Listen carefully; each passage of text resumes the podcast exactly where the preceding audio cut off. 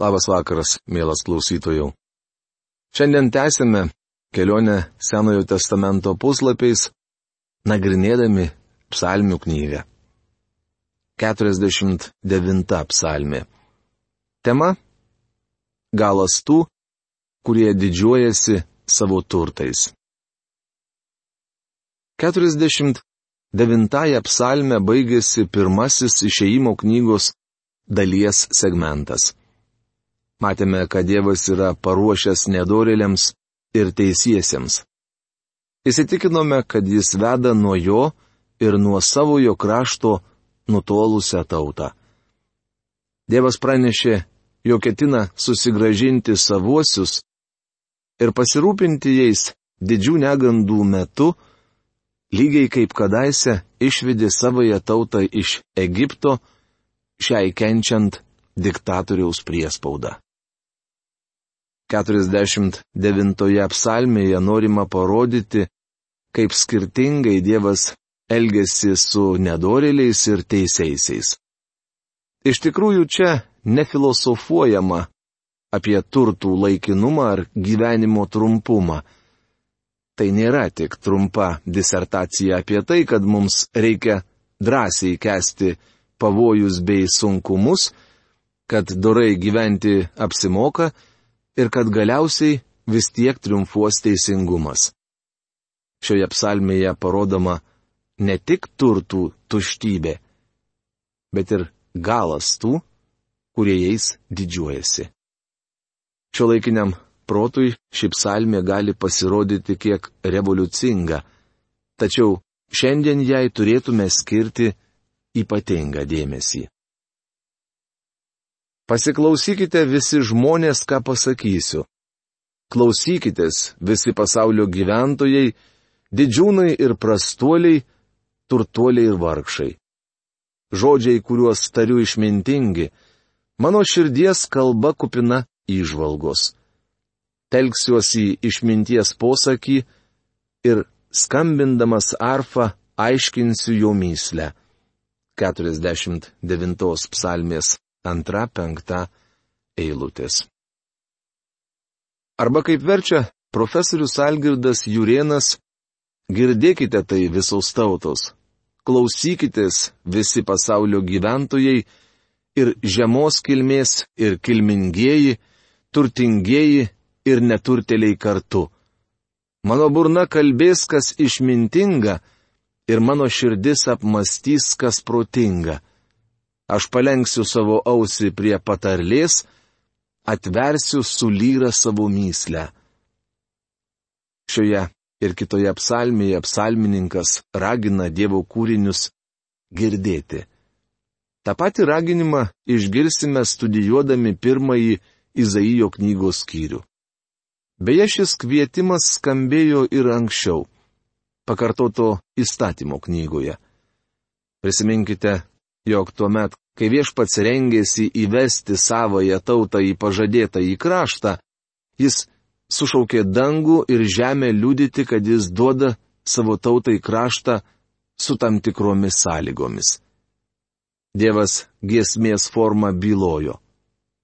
Klausykitės dangus, leiskite man kalbėti, te girdi žemė mano lūpų žodžius, rašoma pakartoto įstatymo knygos 32 skyriaus pirmoje eilutėje. Taip prasideda Mozės gesmė. Joje Dievas šaukia dangų ir žemę liudyti, kad jis įves Izraelį į pažadėtą į kraštą su tam tikromis sąlygomis. Maždaug po 800 metų Dievas jau ruošėsi išvaryti savo tautą iš pažado žemės dėl jų nuodėmių. Ir vėl Izaijo knygoje jis šaukia dangų ir žemę liudyti, kad elgesi pagrystai ir teisingai, išvarydamas Izraelį iš jiems dovanoto krašto. Taip rašoma Izaijo knygos pirmos kiriaus antroje eilutėje. Dabar Dievas ragina mus išgirsti tai, kas galbūt neramina ir jūs. Jis pradeda klausimu. Kodėl turėčiau bijoti vargo dienomis, kai mane apninka nedori priešai, 49 psalmės 6 eilutė.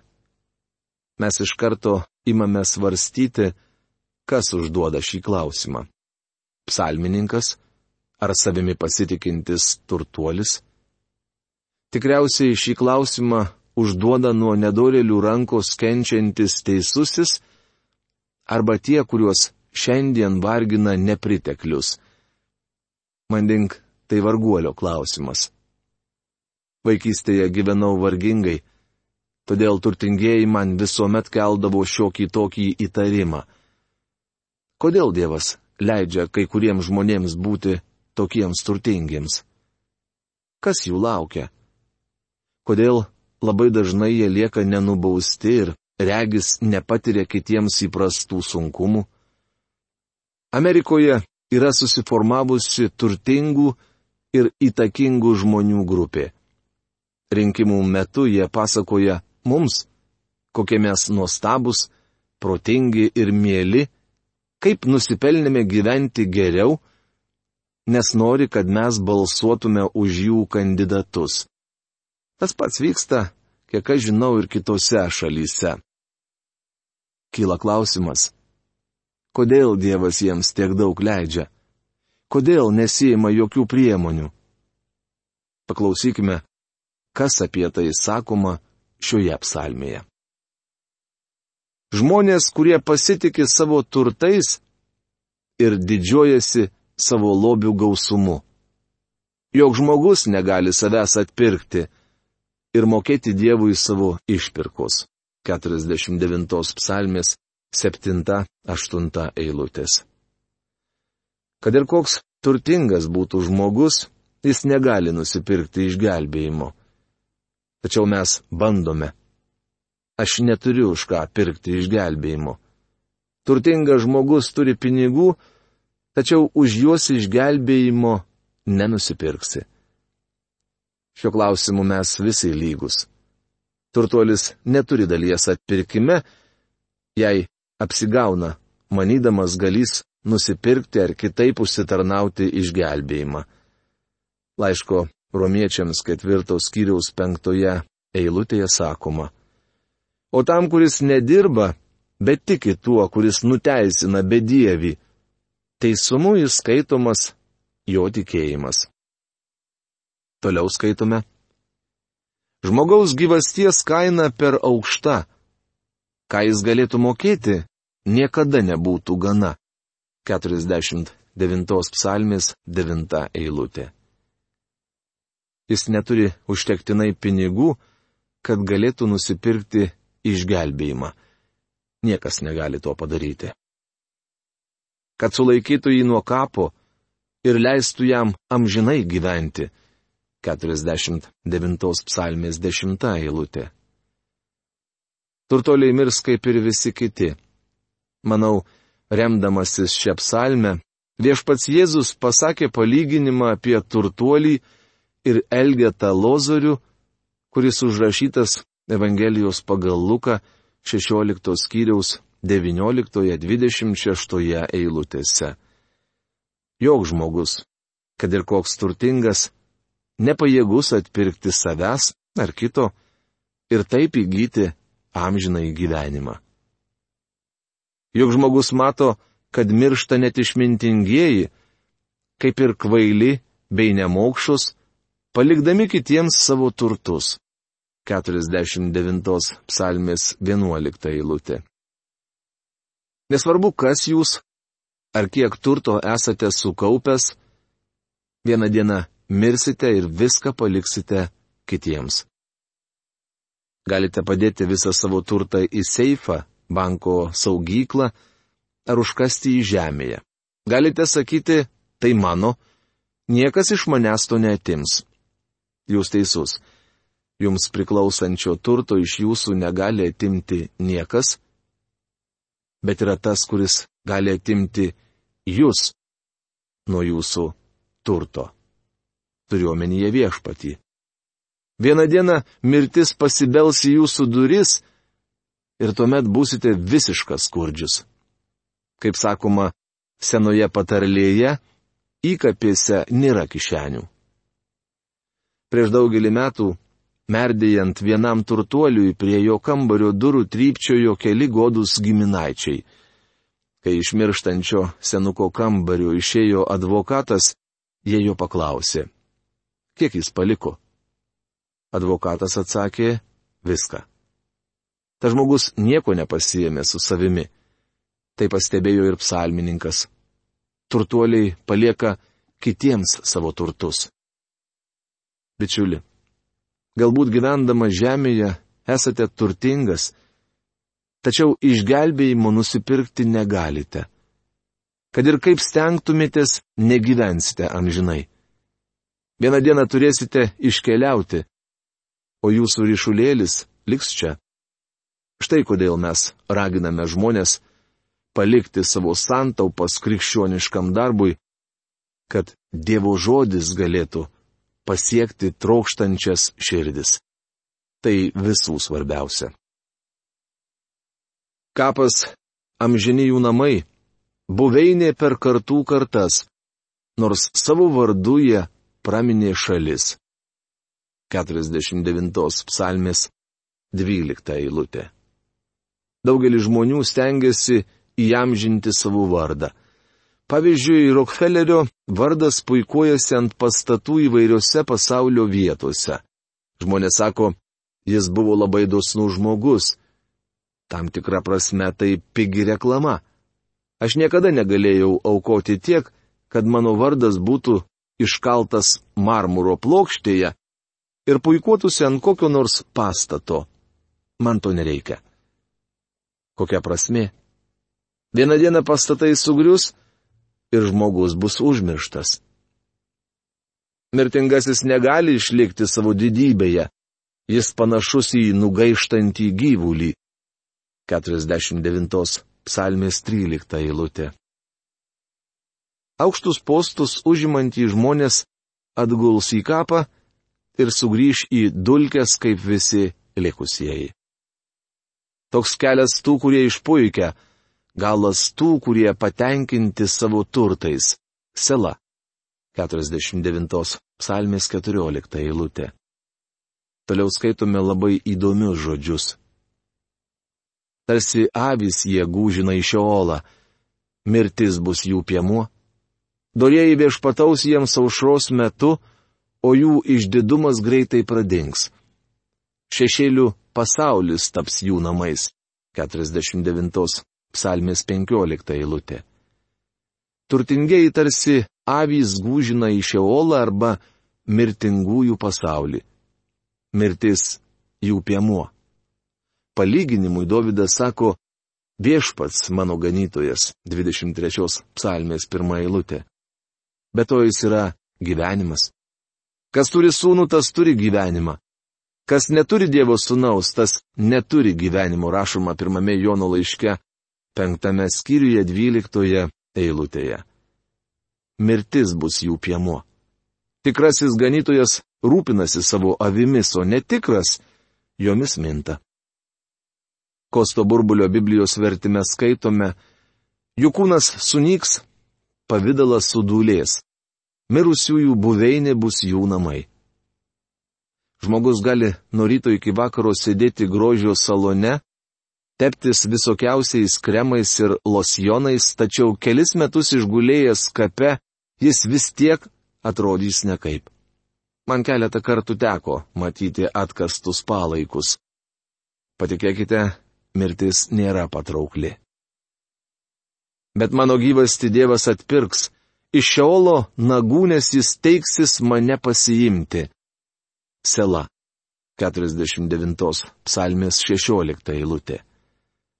Noriu priminti, jog sela reiškia, kad čia mums reikia staptelėti ir apsvarstyti tai, ką perskaitėme. Dievas vienintelis gali atpirkti žmogaus sielą. Visai nesvarbu, turtingas jūs ar vargšas. Amžinybės akivaizdoje svarbiausia, ar jūs atpirktas, ar per tikėjimą Kristumi esate tapęs Dievo vaiku. Nesijaudink, jei kas turtėja, jei jo turtai didėja 49 psalmės 17 eilutė. Šiandien turtingiesiems atleidžiamo žmogžudystės, svetimavimai ir visos kitos nedorybės. Jie užima aukštus postus ir visiškai nesiskaito su neturtingaisiais. Viešpats Jėzus bus teisingas neturtingiesiems. Tai viena iš priežasčių, kodėl aš esu jo pusėje. Žinau, kad vieną dieną su manimi bus elgiamasi teisingai. Juk su savimi pasimti negalės nieko, kai mirs. Jo turtai neis kartu su juo į kapą.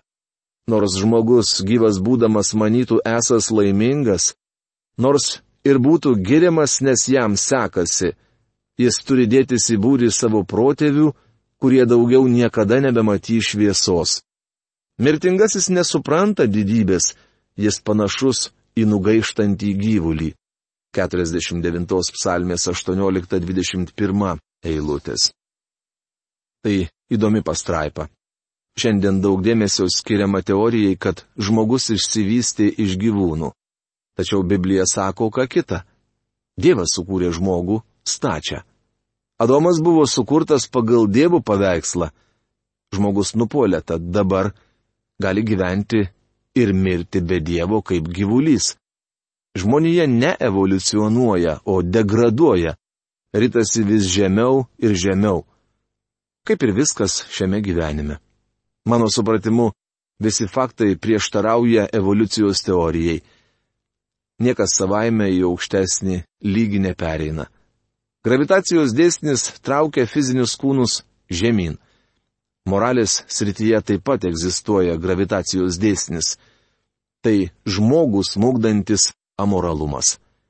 Bičiuli, nesijaudinkime, jei nedoriliai turtėja. 50 psalmė. Tema - Teismo psalmė. Tai pirmoji Asafo psalmė. Asafas buvo muzikantas bei vienas iš trijų šventyklos chorvedžių. Kiti du chorvedžiai buvo Hemanas ir Etanas. Šioje nuostabioje psalmėje regime Dievą ateinantį teisingai teisti savo tautos ir nedorelių. Dievas, viešpats Dievas kalba. Jis sušaukia visą žemę nuo rytų lygi vakarų. Iš Siono grožio viršūnės Dievas švyti. Mūsų Dievas ateina, bet netyliai, pirma jo ryjanti ugnis, aplink jį smarkiai audra. 50 psalmės 1-3 eilutės. Šios psalmės įžanga skelbia, kad ateina Dievas visagalis. Dievo vaikas turėtų jo nekantraudamas laukti. Vieną dieną mes išvysime savo viešpati. Tai kiekvieno tikinčiojo viltis. Jis pasišaukia dangų ir žemę savo tautos teismui. 50 psalmės ketvirta eilutė. Rengdamasis teismui, Dievas trokšta sukviesti kuo daugiau liudytojų, kurie įsitikintų, kad jis yra teisus visuose savo keliuose. Dievas sako, atveskite man ištikimuosius, kurie atnašaudami auką sudarė sandūrą su manimi. 50 psalmės 5 eilutė. Ištikimieji sudarė sandūrą su Dievu atnašaudami auką yra žydai, Izraelio vaikai. Tada dangus skelbė jo teisumą, nes Pats Dievas yra teisėjas. Sela. 50 psalmės 6 eilutė. Viešpats Jėzus Kristus teis pasaulį. Ir nieko tėvas neteisė, bet visą teismą pavedi sūnui, rašoma Jono Evangelijos 5 skyriaus 22 eilutėje. Klausykis mano tauta, aš kalbėsiu. Izraeli, aš kaltinsiu tave. Aš Dievas, tavo Dievas. 50 psalmės 7 eilutė. Jei būtumėte Jeruzalėje gyvenęs tuo met, kai ten stovėjo šventykla, visuomet pilna religingų žydų, tikriausiai būtumėte paklausęs, viešpatie, negi tu kritikuoji savo žmonės? Jie reguliariai lanko šventyklą ir it termitai užsijėmė patarnavimu joje. Taip, Izraelitai buvo labai religingi, tačiau bažnyčios lankymas nėra svarbiausias dalykas. Be abejo, svarbu lankyti bažnyčią, bet vien to nepakanka užmėgsti santykiam su Dievu. Verčiau užmėgskite šį santyki per Kristų, kad bažnyčios lankymas taptų priimtinas Dievui. Peikiu jūs ne dėl jūsų aukų, nes jūsų deginamasias aukas visuomet matau. Neimu iš jūsų ūkio jokio jaučio ar ožio iš jūsų gardų. Juk man priklauso visi gyvūnai miške, galvijai ant tūkstančio kalvų. 50 psalmės 80 eilutės. Dievas sako, negi manote, kad man naudingos jūsų atnašautos aukos, juk ir taip visi gyvūnai man priklauso. Tai primena pranašo Jeremijo žodžius. Kalbėdamas jūsų tevams tą dieną, kai išvedžiau juos iš Egipto žemės, nieko jiems neįsakiau dėl deginamųjų ar skerstinių aukų, bet daviau jiems vieną įsakymą - klausykite mano balso, tada aš būsiu jūsų dievas, o jūs būsite mano tauta. Eikite visur tik tuo keliu, kuriuo jums įsakau, įdant jums sektųsi, rašoma Jeremijo knygos 7 skyriaus 22 23 eilutėse. Panašiai kalbėjo ir pranašas Michėjas. Kuo nešinas ateisiu į viešpaties artumą ir nusilenksiu aukštybių Dievui. Ar ateisiu su deginamosiomis aukomis, su mituliais veršiais, argi viešpas bus patenkintas tūkstančiais avinų, begalinius rautuolėjaus, ar atiduosiu savo pirmagimi už savo nusikaltimą, savo kūno vaisių už savo nuodėmę? Žmogau, jis tau pasakė, kas gera ir ko iš tavęs reikalauja viešpats. Tik daryti, kas teisinga, mylėti ištikimą meilę ir nuolankiai eiti su savo Dievu. Prašoma Michėjo knygos šeštos skyriaus šeštoje aštuntoje eilutėse. Jei būčiau alkanas, tau nesiskūščiau, nes mano yra pasaulis ir visa, kas jame. 50 psalmis 12 eilutė. Jei kuriejas išalktų, jis tikrai dėl to nesiskūstų savo kūriniui. Šaukis manęs vargo dieną, išgelbėsiu tave ir tu mane šlovinsi. 50 psalmis 15 eilutė. Dievas ragina savo žmonės ateiti pas jį.